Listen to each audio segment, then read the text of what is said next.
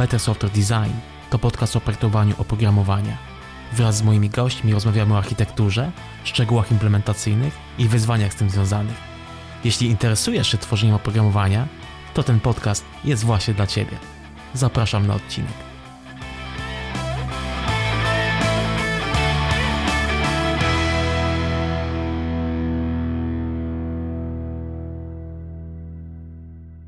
Nagrywałeś kiedyś podcast? Wiesz to parę lat temu miałem taką sytuację. Chłopaki z How to Product, takiego podcastu o budowie produktów, zaprosili mnie, abym opowiedział im o aspektach budowy produktu z tej strony bardziej architektonicznej, bardziej ze strony technicznej. Tam mam parę słów właśnie o tym, jak, zrob- jak, jak to robić, aby tworzyć taki długo żyjący produkt. No to będziesz miał do kolekcji kolejną To wizytę. już tak kolejny taki check.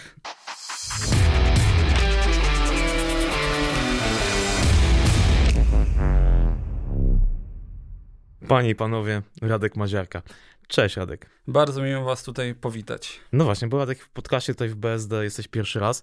Yy, Pewnie osoby, które słuchają, słuchają podcastu, pewnie cię znają, czy to z konferencji, czy tutaj z wrocławskich meetupów, bo działasz na wrocławskiej scenie. Przynajmniej ja cię kojarzę z wrocławskiej sceny, chociaż oczywiście gdzieś tam się pojawiasz nie tylko, nie tylko w naszym mieście.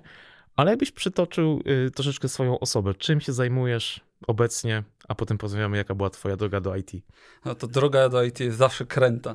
Ale dobra, no ja, e, ja od, e, nie wiem, od około 80 lat jestem tutaj w branży. Zaczynałem, myślę, że jak każdy tutaj od typowego e, programisty, następnie jako lider, później jako development manager. Mm, Następnie przeszedłem do, na ścieżkę bardziej architektoniczną, zostałem solution architektem. Tworzyłem, planowałem mm, rozwiązania cy- cyfrowe, Następnie przeszedłem do tego obszaru bardziej produktowego, gdzie skupiałem się już nie jako em, osoba będąca w firmie, która taka sprzedawana e, do, do projektów zewnętrznych. Mm, Przyniosłem się na, na, tą, na ten obszar, gdzie to ja de facto tworzyłem wspólnie pewien, e, pewien produkt. Pracowałem znowu około półtorej roku, tak, i znowu przeszedłem do takiego obszaru, gdzie bardziej wspomagam już firmy zewnętrzne. Pracuję jako konsultant, jako, jako trener. I to był taki jakby jedna ścieżka, a równolegle to też budowałem em, trochę jakby własnymi rękami produkty, e, rozwiązania dla klientów, taka trochę jednoosobowa armia, że po prostu od A do Z trzeba było wdrożyć pewne rozwiązania, Mhm. zebrać wymagania, zaplanować, wdrożyć, utrzymywać, zbierać cięgi, że jeśli coś nie działa. To I jest- backupować bazy na produkcji, o, to oczywiście, tak. Coś nie czego. działa, coś nie działa i dostajesz szkola, że Radek, nie wiem, jest jakiś fuck up i trzeba ratować. No i, ale dużo się człowiek z tego uczy na pewno, że Mhm, jeśli mhm. nie masz na kogo zwalić winy, bo wszystko jest na tobie, to, to uczy odpowiedzialności. Obecnie gdzieś pracujesz na pełen etat, czy wolny elektro? Eee, Sobie latasz dookoła? Pracuję, pomagam mm, znajomym tutaj z lokalnej firmy wrocławskiej Clever Grapes, gdzie mm, rozwijamy y, obszar chmurowy w firmie i to jest, można powiedzieć, takie pół etatu, które tam realizuję, a drugie pół etatu działam jako właśnie jako konsultant, jako trener. Y, Teraz mm, na szczęście COVID trochę y, się zmniejsza, więc pojawiają się już warsztaty, szkolenia stacjonarne, no to możemy tutaj coś podziałać, tak? Bardzo w końcu mogę właśnie gdzieś pojechać, poznać inne osoby, spotkać się z ludźmi, no to, to, to bardzo mnie to jara, więc No tak, tego takiego, takiego aspektu międzyludzkiego, interpersonalnego to mi też bardzo brakowało. Ale tak jak rozmawialiśmy tutaj chwilę przed, przed nagraniem podcastu, to właśnie wspomniałem, że kurczę, niektóre rzeczy tak dobrze w online działają, że czasami aż, aż szkoda, aż szkoda zrezygnować właśnie z tych zdobyczy. Chociażby, chociażby Miro, na którym właśnie teraz patrzę, gdzie mamy rozpisaną naszą, naszą dzisiejszą rozmowę. E, Radku, jeżeli miałeś okazję kiedyś posłuchać jakiegoś odcinka podcastu, to wiesz, jakie teraz pewnie pytanie, na pewno. E, Jaka była twoja droga do IT? Jak to się zaczęło? Pytanie brzmi, może podpytanie, Atari czy Commodore? Czy, czy coś Wiesz co, ja chyba jestem, jestem chyba ten młodszy, więc ja miałem takie Atari, ale szczerze mówiąc nie pamiętam, co to było dokładnie. Ja miałem takie gdzieś tam jeszcze w czasach przedszkolnych, więc tak naprawdę pamiętam tylko, że hakowałem to trochę w sposób taki bardzo młodociany, że tam byłem w stanie w pewnym momencie rozwalić tą konsolę, po prostu wchodząc gdzieś tam na dyski i ją, e, ją, ją modyfikując, przez co ona się przestała w pewnym momencie w ogóle uruchamiać.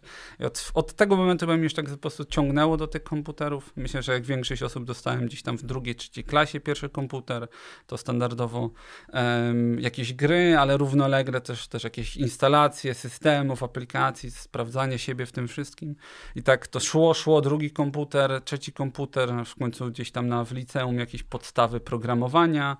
E, miałem tyle szczęścia w liceum, że przyjeżdżał do nas e, doktor z uniwersytetu, który uczył nas e, podstaw programowania. No i dzięki temu załapałem trochę takich podstaw, ale też się zajerałem tym, czym jest de facto programowanie.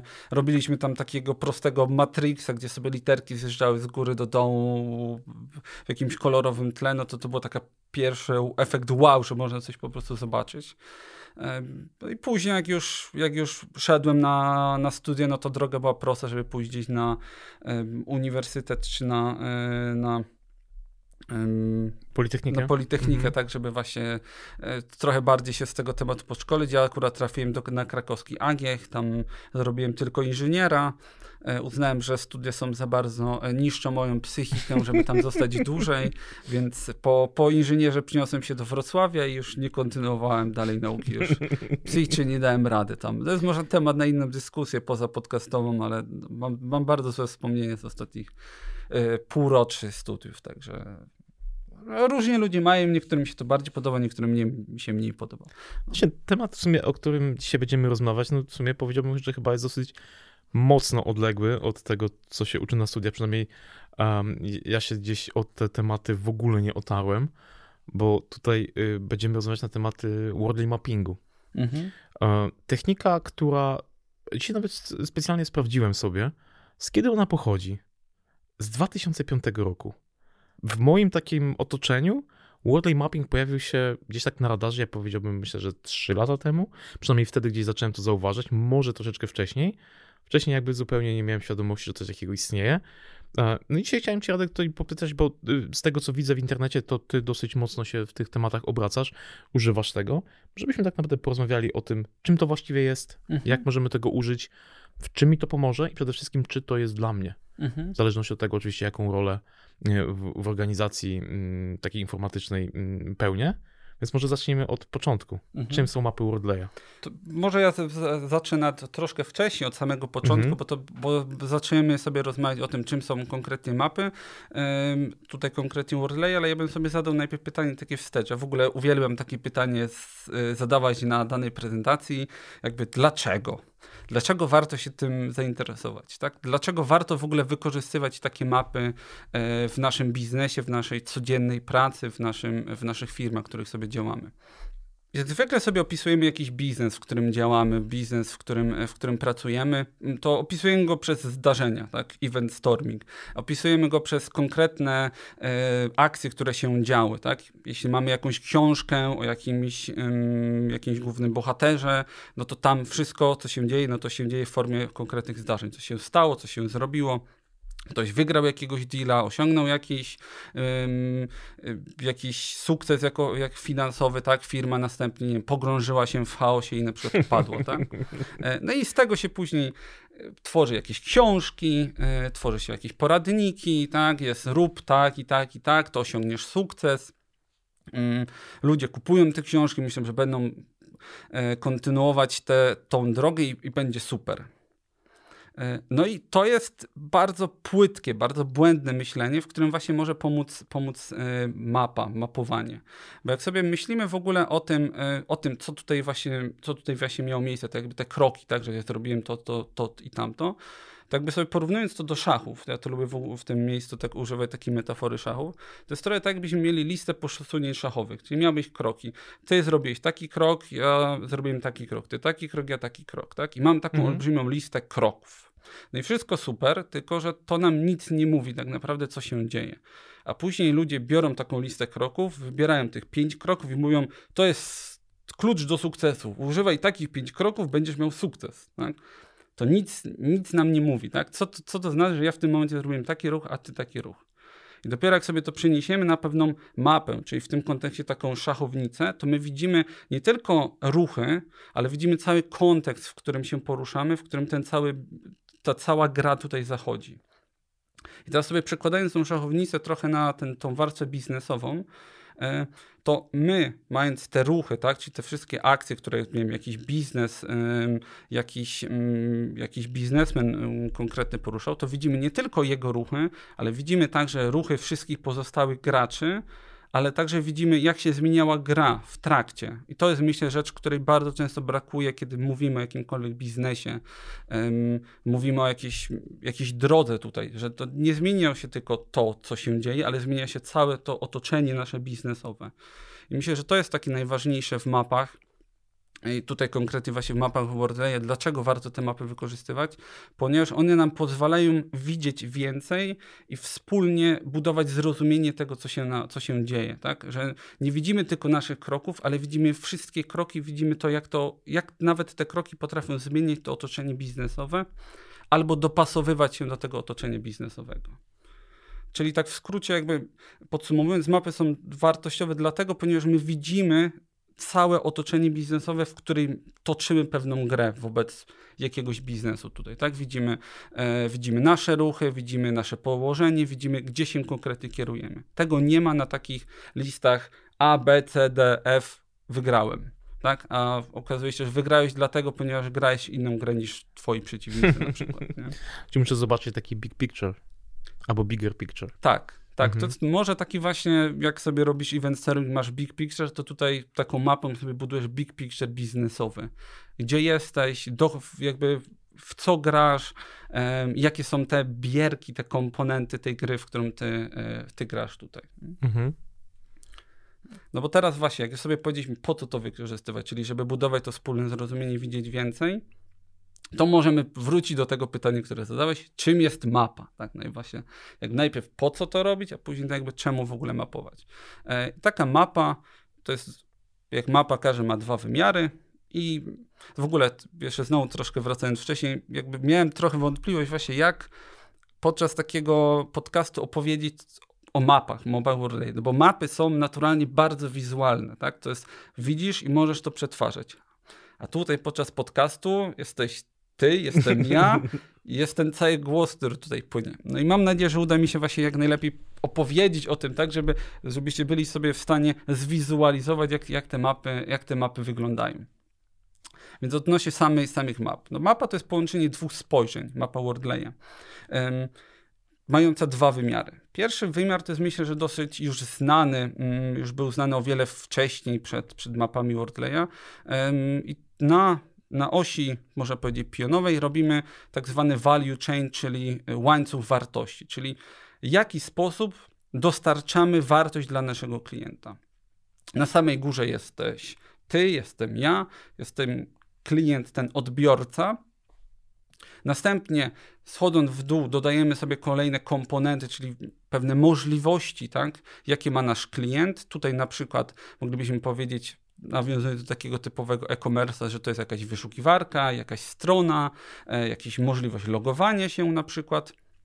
I następnie wchodząc w dół, robimy kolejne elementy grafu, i wchodzimy do takich komponentów bardziej technicznych, z tego, co się składa do tego, żeby dostarczać te możliwości. Czyli jeśli mówimy o jakiejś wyszukiwarka, to jest pewnie jakaś baza danych e, skoncentrowana na odczycie. Jeśli jest logowanie, no to są pewne jakieś e, mechanizmy uwierzytelnienia i, mm, i autoryzacji tak, w takim systemie. I wchodząc jeszcze w dół, jeszcze niżej tego łańcucha wartości, mamy jakąś chmurę, mamy coś, co dostarcza nam tu całą moc obliczeniową, gdzie co sobie wszystko hostujemy.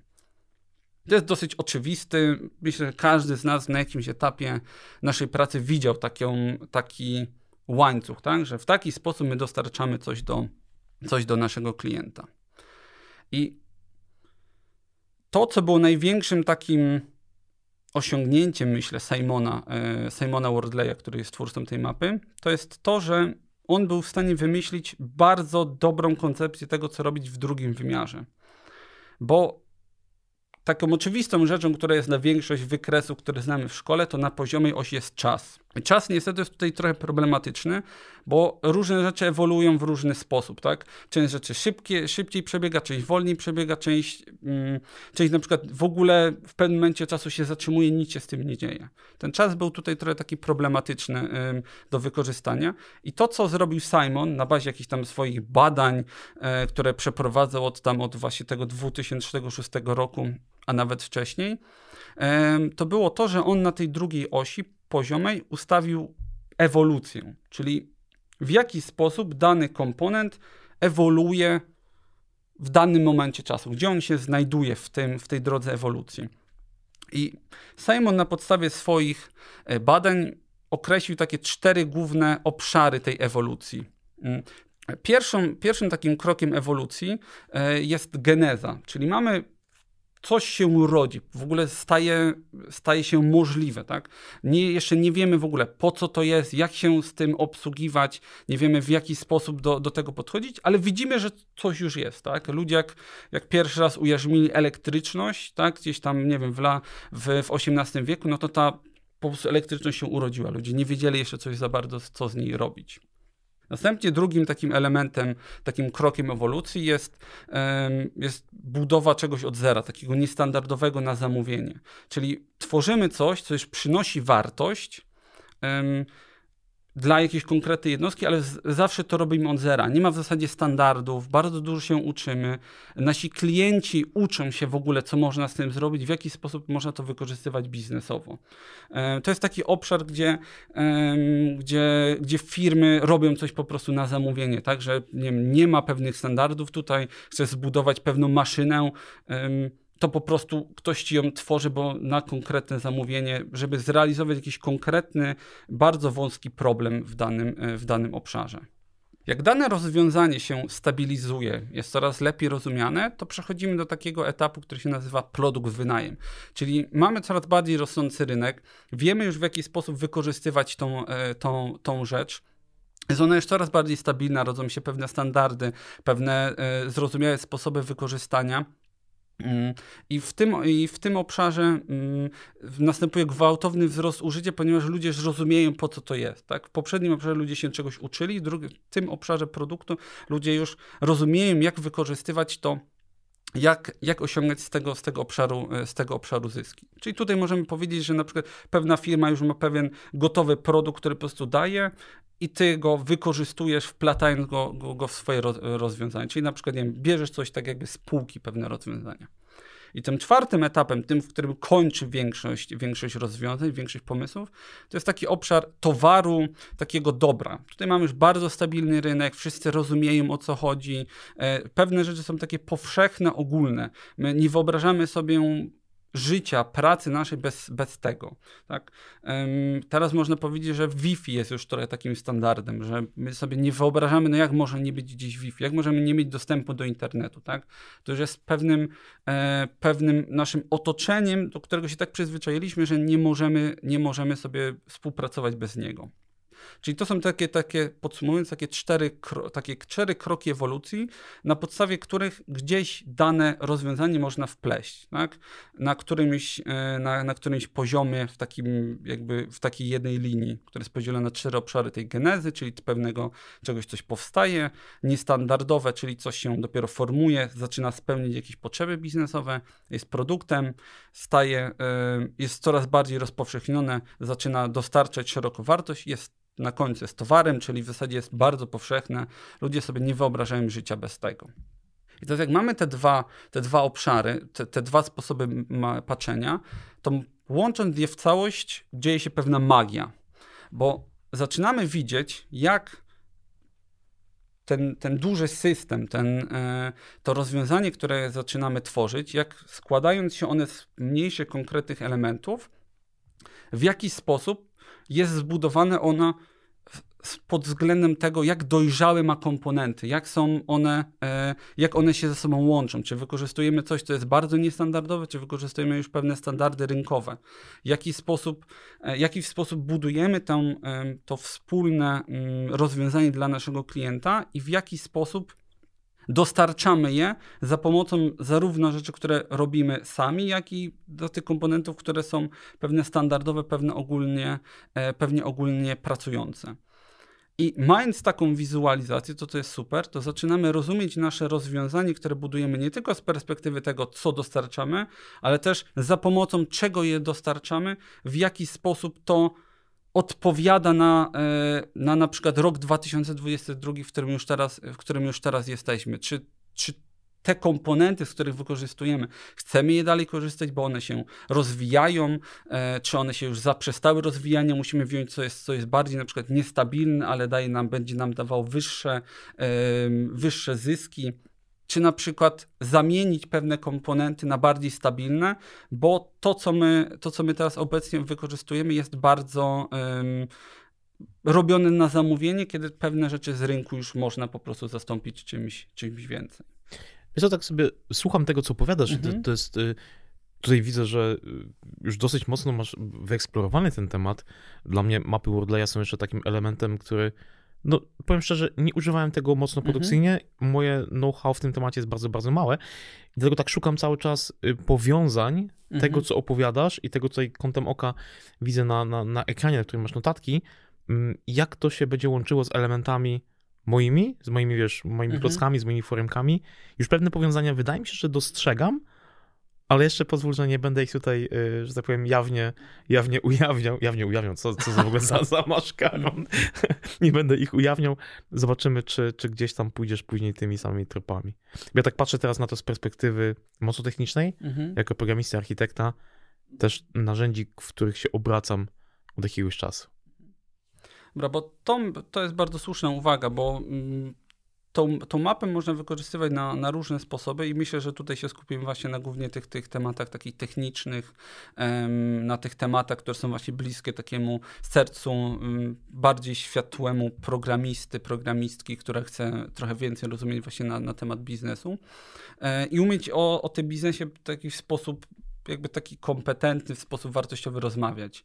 E, I myślę, że tutaj jest pierwszą rzeczą, którą bardzo dobrze pomaga, e, pomaga mapa, czyli w tym, żeby móc wspólnie e, z biznesem, wspólnie z naszymi kolegami produktowymi, sprzedawcami rozmawiać o tym, w jakimi sposobami docieramy do, do klienta, jak, jak to robi nasza, nasza konkurencja i z jak, na podstawie jakich komponentów z tego, na podstawie jakich komponentów jesteśmy to w stanie robić. Mm.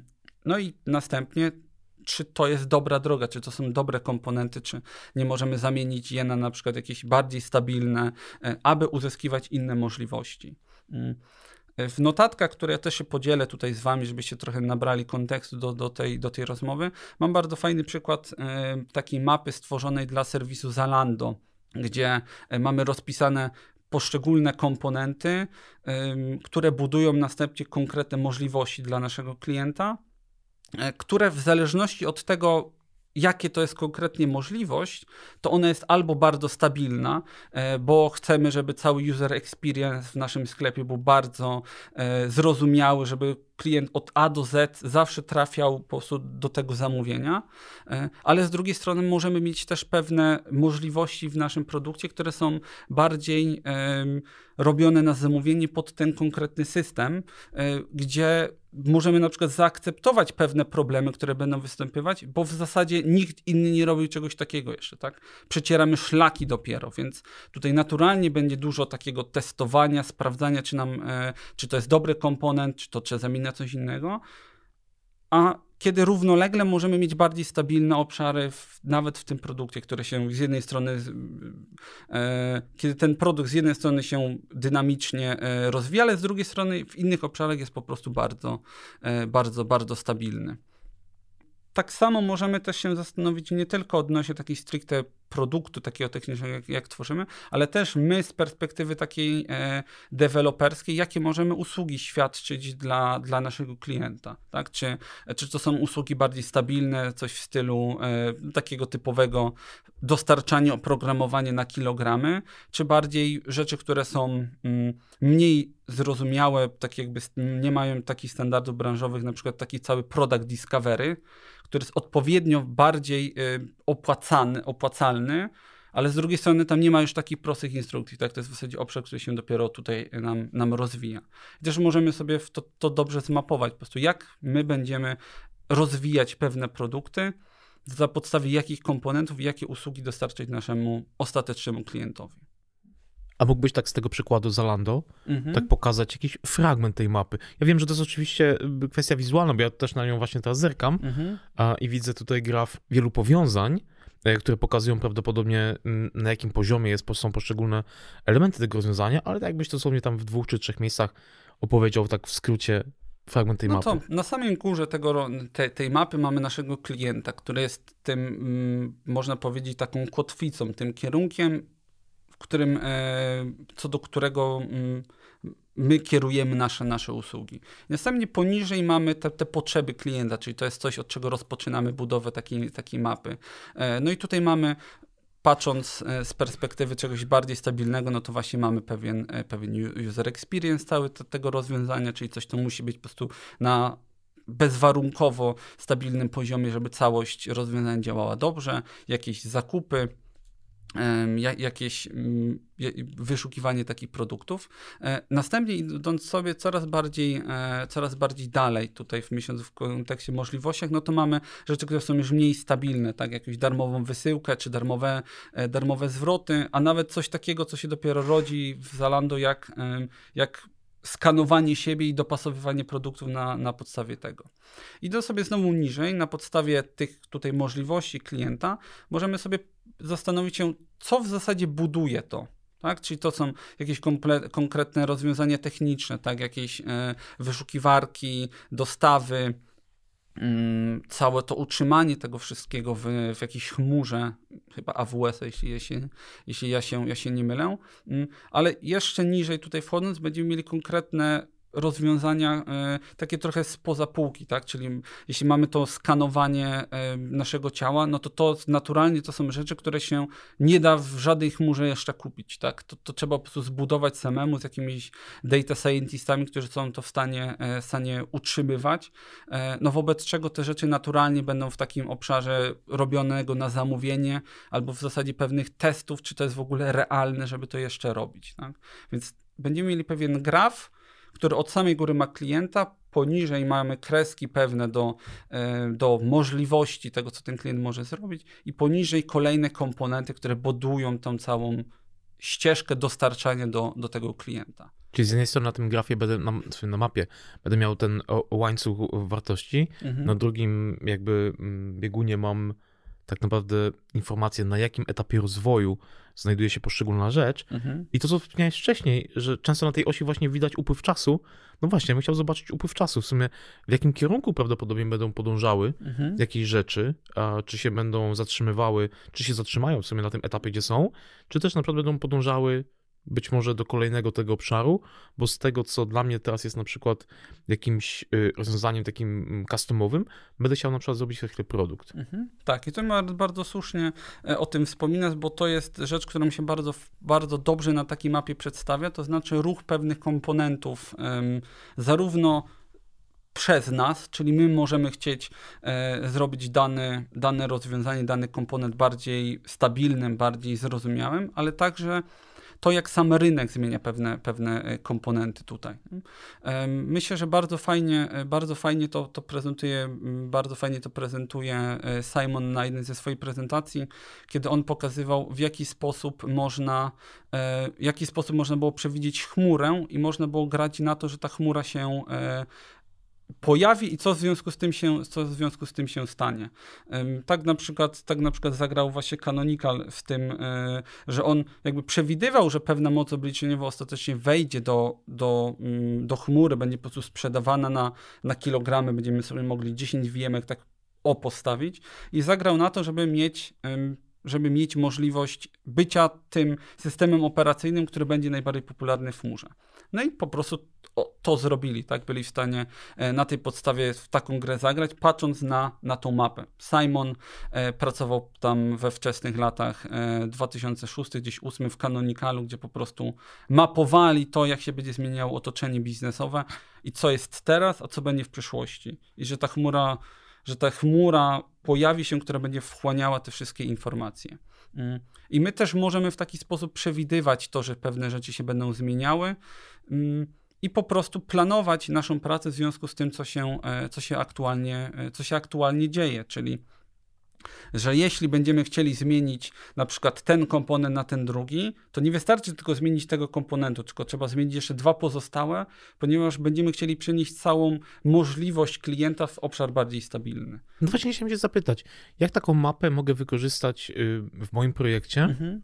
No i ty właśnie wspomniałeś o tym, że mogę popatrzeć chociażby no, na migrację komponentów. Widzę, że na przykład ten produkt w tym obszarze ma na przykład jakieś, nie wiem, odpowiedniki na rynku, z których potencjalnie mógłbym skorzystać, wiedząc, że na przykład będę dalej inwestował y, jako firma, jako organizacja w rozwój tego konkretnego fragmentu mojej usługi. Mhm.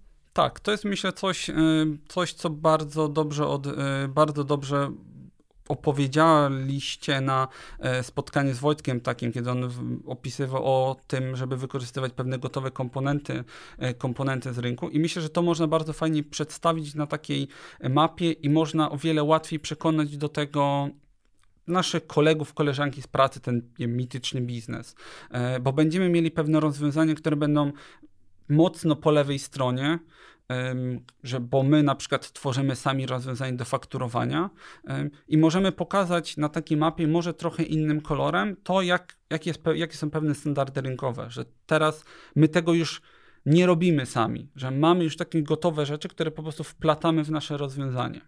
I to, to myślę, że to nie jest jeszcze tak jakby wystarczające, bo to, gdzie się zaczyna cała magia, to jest to, kiedy pokażemy, jak ta zmiana takiego komponentu niskopoziomowego wpływa na te rzeczy wyżej. Mm, bo teraz, jeśli my zamienimy e, ten komponent y, fakturowy, na przykład, e, na coś bardziej stabilnego, to się nam nowe możliwości otwierają, bo nagle nie musimy tego utrzymywać sami, więc się nam zwiększa jakość.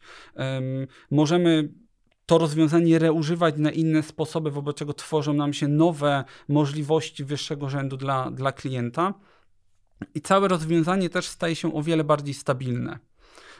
Więc to wykorzystywanie tych komponentów gotowych, gotowych z rynku jest bardzo fajnie, bardzo dobrze pokazane na, na, na mapie WordLaya. To w sumie, dla kogo to jest narzędzie? Bo tak się zastanawiam, bo z tego co mówisz, to wydaje się, że z tego narzędzia może korzystać na przykład, nie wiem, product owner, um, CTO, raczej osoby, powiedziałbym, wyższe w organizacji i się zastanawiam tak naprawdę, czy dla osób stricte technicznych też tutaj by się dało coś pokazać takiego, wiesz, co mógłbym wykorzystać, czy mogłabym wykorzystać w mojej pracy. Mhm. Myślę, że bardzo dobrą wariacją na temat tego, jak to wykorzystywać w rozwiązaniach bardziej technicznych, e, przedstawił Nick Tune ze swoim Core Domain Charts, mm, gdzie on jakby wziął, e, wziął ten aspekt ewolucji z, z mapy WordLaya i na jego podstawie stworzył, stworzył takie oś, którą nazwał wyróżnikiem biznesowym, czyli na ile mocno ten obszar, który mamy, e, ten komponent, który wykorzystujemy, różni, jakby wyróżnia nas na, na nasz biznesowo.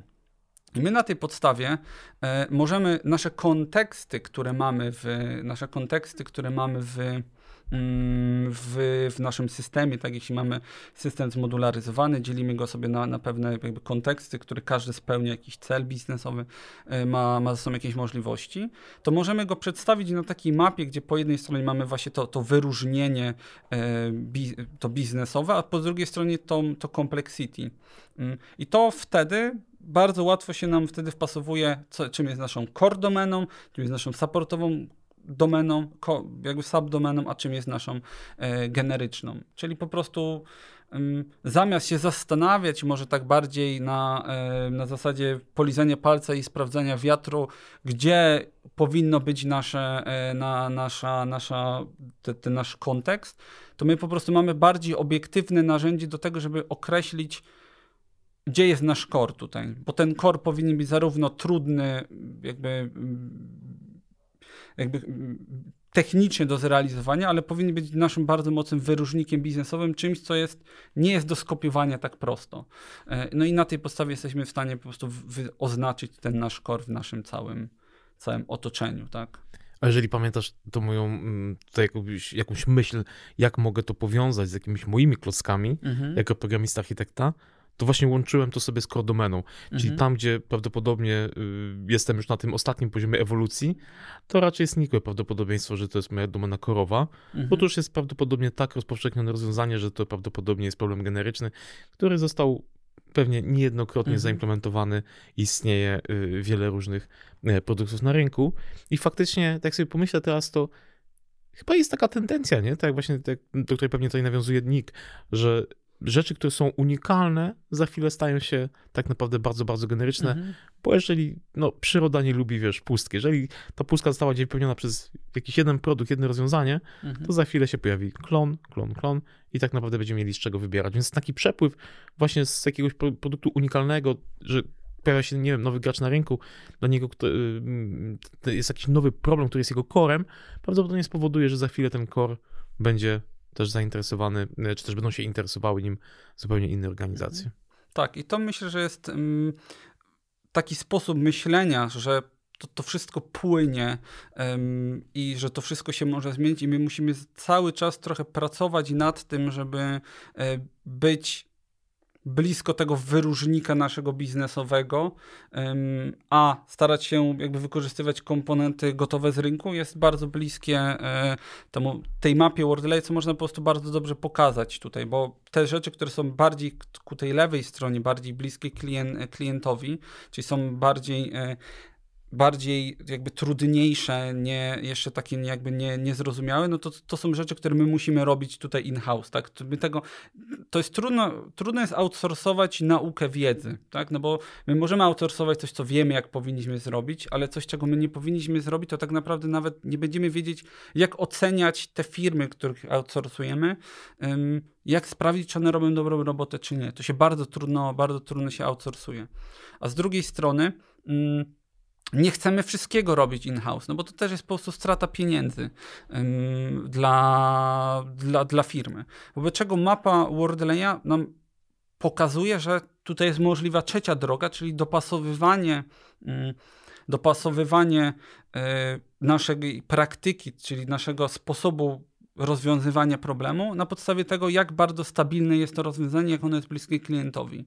Czyli nie wszystko outsourcujemy albo nie wszystko robimy in-house, tylko po prostu dobierać właściwe podejście do tego, do tego obszaru biznesowego, w którym się, do tego obszaru na mapie URL, w którym się znajdujemy w danym momencie czasu. Tak?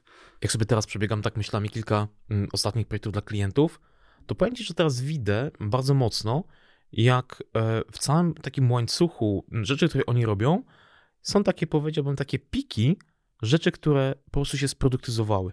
Jakaś firma, załóżmy, dostarcza jakieś rozwiązanie, ono się składa z wielu, wielu części, nagle się okazuje, że tylko w jednym tym obszarze nagle jest jakiś sens faktycznie inwestować, y, że tak powiem, czas i środki po to, żeby właśnie doprowadzić do poznania jakiegoś produktu. Ale takie właśnie myślenie strategiczne no, doprowadza z punktu widzenia organizacji, nie, że można w ogóle kierunek jakby rozwoju zmienić kierunek ekspansji nas jako firmy. Widzę jakby tutaj możliwości zastosowania tego narzędzia tak naprawdę myślę, że od ar- architekta w górę. Im, Im wyżej w górę organizacji, tym prawdopodobnie to przełożenie na taki kierunek i i jakby rozwój tej organizacji jest coraz większy. Natomiast tak powiem szczerze, nie do końca jeszcze jestem w stanie zauważyć na takim powiedziałbym mm, poziomie mm, kurczę, boję się użyć tego sformułowania szeregowego programisty czy programistki, jakby Mhm. tego narzędzia, ponieważ ono, chyba jego skutek, jaki ono może wywrzeć na organizację, też nie leży w, w gestii tych osób. Masz tutaj trochę racji. Że najwyżej będą odbiorcami jakby kierunku wyznaczonego przez tą mapę. Tak, masz tutaj trochę racji, ponieważ to w ogóle, żeby tworzyć taką, e, taką mapę, trzeba mieć zrozumienie, do kogo kierujemy naszą usługę, nasz produkt, który tworzymy.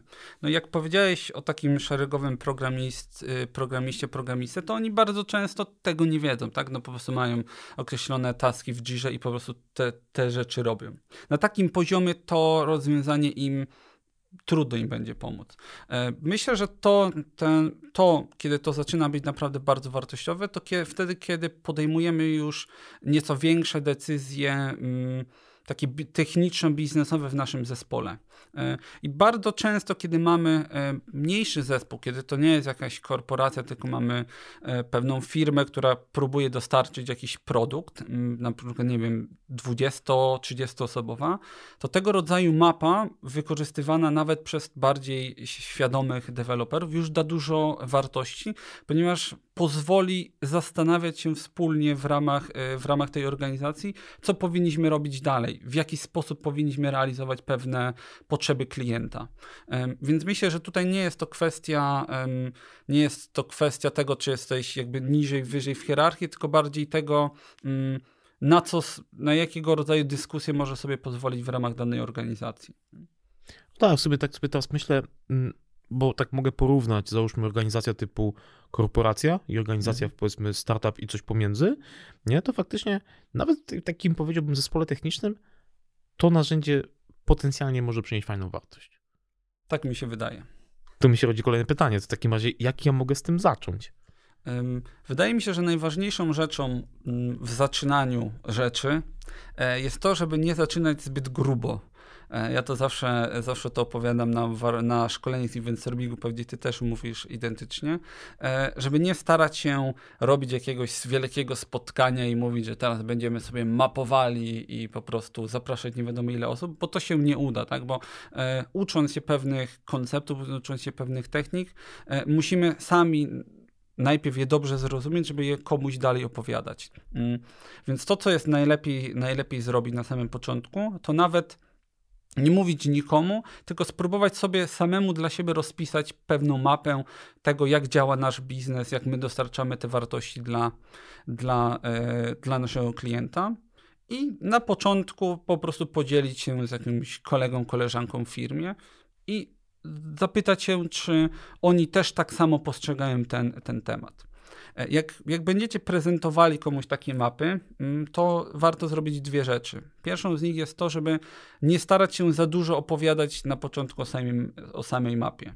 E, to znaczy, że nie, nie wychodzimy na początku z gotową mapą, e, bo to trochę przeraża. Tylko robimy to raczej krok po kroku. To znaczy, że najpierw, najpierw mówimy, kto jest naszym celem, później jakie są możliwości dla tego klienta, następnie jakie są komponenty. Następnie w ciągu minuty, dwóch minut maksymalnie opowiadamy, jakie są kroki ewolucji, pokazujemy, jak, jak, się, jak to rozwiązanie, ten e, łańcuch wartości jest na tej ewolucji, i wtedy rozpoczynamy całą, całą rozmowę. Tak? Żeby jakby nie robić takiej zbyt jakby, żeby nie wymuszać na, e, na naszych odbiorcach tego, że po prostu za dużo muszą naraz zrozumieć. Ta mapa służy jako pewna podstawa, taki, takie wizualne narzędzie do prowadzenia opowieści. Ty pokazujesz kolejne elementy na mapie i de facto prowadzisz opowieść i mówisz, że mamy teraz taką możliwość dla klienta, na podstawie której, e, która jest zbudowana z trzech komponentów. I teraz pokazujesz te komponenty mm, na tej mapie i krok po kroku przekazujesz tą wiedzę, to co chcesz jakby pokazać na tej mapie swoim, swoim odbiorcom. I naprawdę to, to chwyta nawet do osób, które są niezaznajomione z taką mapą, nic nie wiedzą. Krok po kroku im to przedstawiając, w pewnym momencie wprowadzając ewolucję, opowiadając przez minutę, czym ona jest, jakie są jej kroki i, i toczymy rozmowę. Myślę, że to jest, to jest to myślę, chciałbym, żebyście wynieśli z tego, e, z tego odcinka, to, to to, żeby po prostu nie spróbować robić za dużo naraz, bo ludzie po prostu będą przytłoczeni. Tylko po prostu małymi krokami opowiadać, żeby ta mapa była pewną podstawą do opowieści. A tutaj uważasz, że analizowanie swojego projektu, jakby problemu biznesowego, przy którym się na co dzień pracuje, y, jest dobrym jakby punktem startowym? Bo zazwyczaj, tak wspomniałeś o tym event stormingu, ja zazwyczaj sugeruję, żeby właśnie na chwilę, jeżeli to jest tylko możliwe, odsunąć się od y, mojego konkretnego projektu, bo zazwyczaj będę przytłoczony czy przytłoczona jakąś, nie wiem, może złożonością problemu, który tam występuje, a jeżeli chcesz zobaczyć samą technikę, to wolałbym tak naprawdę wyeliminować z, jedną ze złożoności, która tu istnieje. Chcę się nauczyć techniki, więc nie mogę wyeliminować, załóżmy, złożoności tego narzędzia, więc eliminuję drugi, czyli problem biznesowy i zastępuję go czymś, co doskonale znam.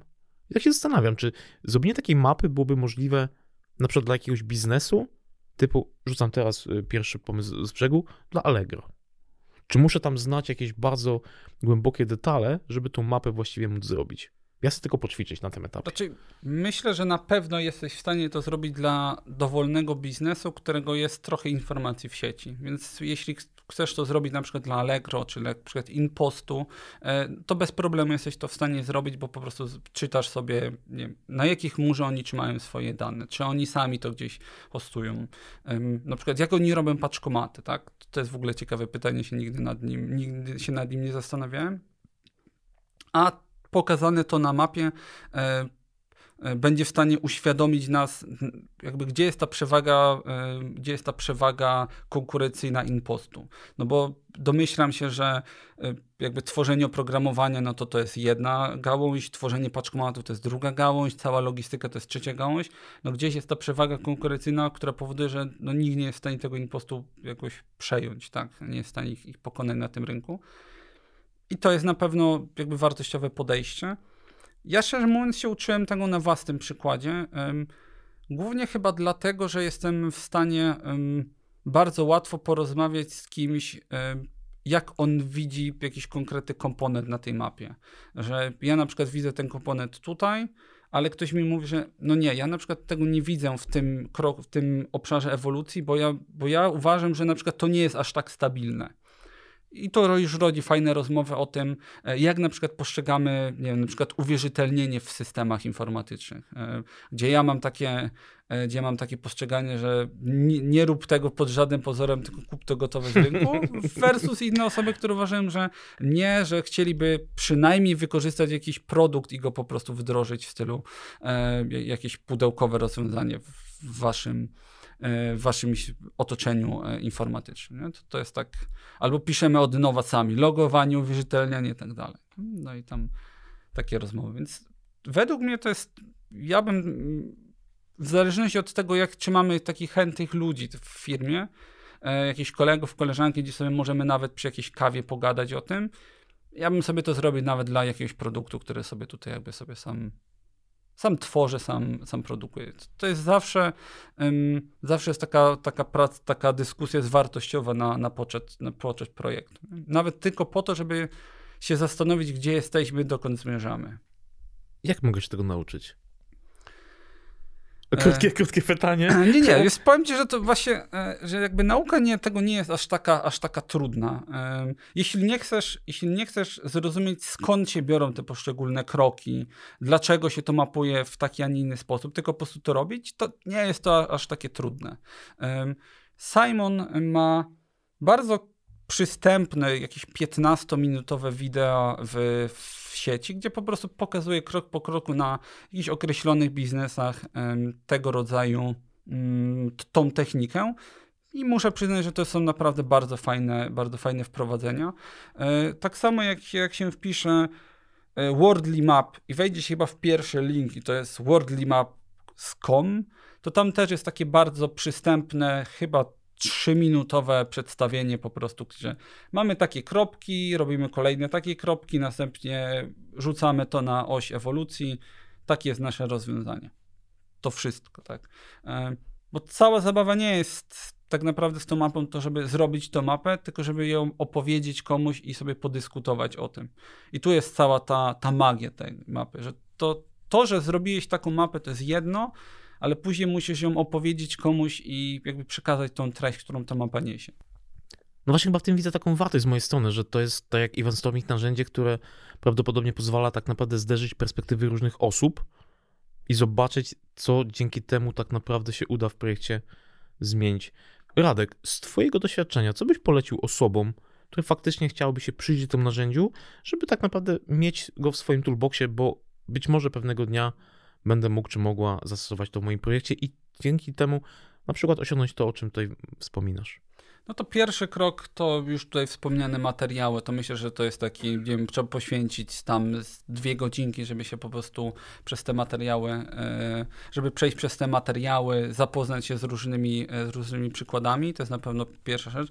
Drugą rzeczą to jest to, żeby zacząć śledzić na Twitterze, e, żeby śledzić na Twitterze Simona, bo to jest człowiek, który, jeśli się nie mylę, w tym momencie nie pracuje nigdzie, tylko jakby stara się za pomocą map opisywać bardzo wiele różnych tematów geopolitycznych i on y, bardzo dużo tweetuje, tak aż w zasadzie jakby miał pół etatu tylko na takie tweetowanie i tam można bardzo wiele, y, bardzo wiele rzeczy wyciągnąć właśnie z tych jego tweetów, bo on tam opisuje na przykład dlaczego, dlaczego chmura, dlaczego DevOps, dlaczego FinOps, dlaczego serverless, dlaczego nie Kubernetes i tak dalej. Tak, to jest bardzo wiele właśnie takich przystępnych przykładów, y, żeby się o, o tym uczyć. No i myślę, że trzecią rzeczą jest to, żeby spróbować w małym e, gronie, w jakimś małym eksperymencie w firmie. Czyli zobaczyć, jak, jak nasza firma się w to wpasowuje i po prostu spróbować na, na gruncie tej firmy w takim bardziej bezpiecznym środowisku uczyć się, uczyć się, uczyć się tej techniki.